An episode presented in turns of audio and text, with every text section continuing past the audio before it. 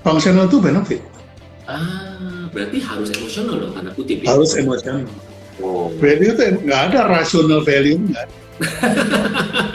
itu juga dalam tuh. Oke. Yang ada tuh rational benefit, Rational benefit, physical functional benefit, benefit, functional benefit, physical benefit. physical benefit.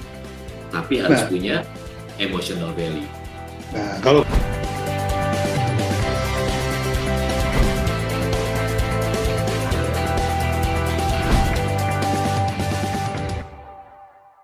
Pak Bi, eh, apa tiga kesalahan pemilik bisnis waktu ngomongin branding atau mau bikin brand? ya eh, kesalahan pertama dia terlalu percaya pada produknya. Hmm. Itu.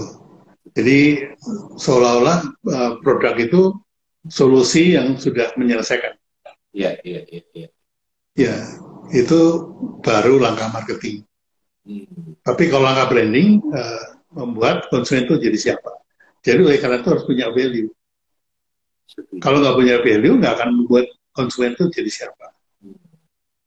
Berarti value itu tidak ah, bolehkah functional atau harus emosional kalau value itu Pak? Bi? Functional itu benefit, Ah, berarti harus emosional dong tanda kutip ya? harus emosional. Oh. Value itu nggak ada rational value, nggak ada. juga dalam tuh. Oke. Yang ada tuh rational benefit, Rational benefit, physical functional benefit, benefit, functional benefit, physical benefit. physical benefit. Tapi harus Nah. punya emotional value. Nah, kalau value emosional. Keren. Sampai titik ini kita sama perguruan silatnya. Siap. Satu kesalahan terlalu percaya sama produknya. Oke. Padahal harusnya punya value. Hmm. Hmm. Yuk, Ya. semuanya dengerin nih, sama-sama belajar nih ya. Jangan cuma jualan produk-produk produk-produk saja gitu kan Pak Di? Betul. Oke. Terus kedua Pak, kesalahannya Yang kedua kesalahannya adalah meletakkan branding atau brand sebagai bagian dari marketing. hmm, hmm, Is, is entirely different. Jelasin sedikit tuh Pak. Maksudnya gimana? Orang mungkin paham jadi. Begini, kalau CEO Hmm, megang bisnis, dia megang empat bidang. Oke. Marketing, operation, SDM, finance. Oke. Hmm. Nah, marketing adalah salah satu tools yang sifatnya adalah fisikal. Hmm, Oke. Ya, jadi kegiatannya itu fisikal. Sementara masuk ke dalam eh, eh, physical asset. Dalam perusahaan nih, eh, kalau kita bicara perusahaan, itu kan ada eh, physical asset dan intangible asset.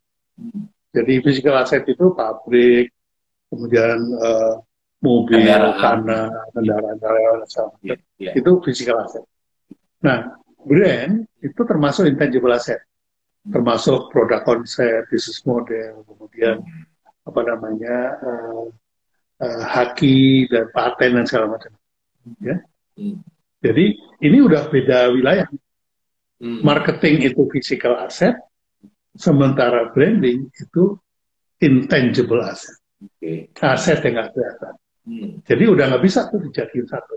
hmm, Makanya saya kalau kalau diundang oleh marketing department, hmm, oleh marketing directornya, ketemu, terus dia bilang Pak Pi tolong di branding. Saya bilang, oke, saya mau tanya, apakah Anda masih punya bos yang harus Anda laporin atau you can make decision?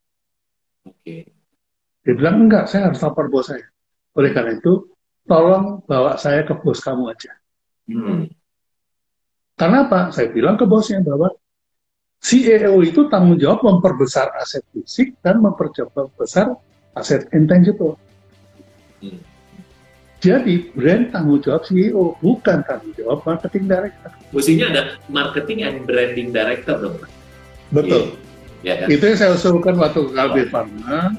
Saya usulkan juga ke Bintang 7 bahwa you need to have a CBO.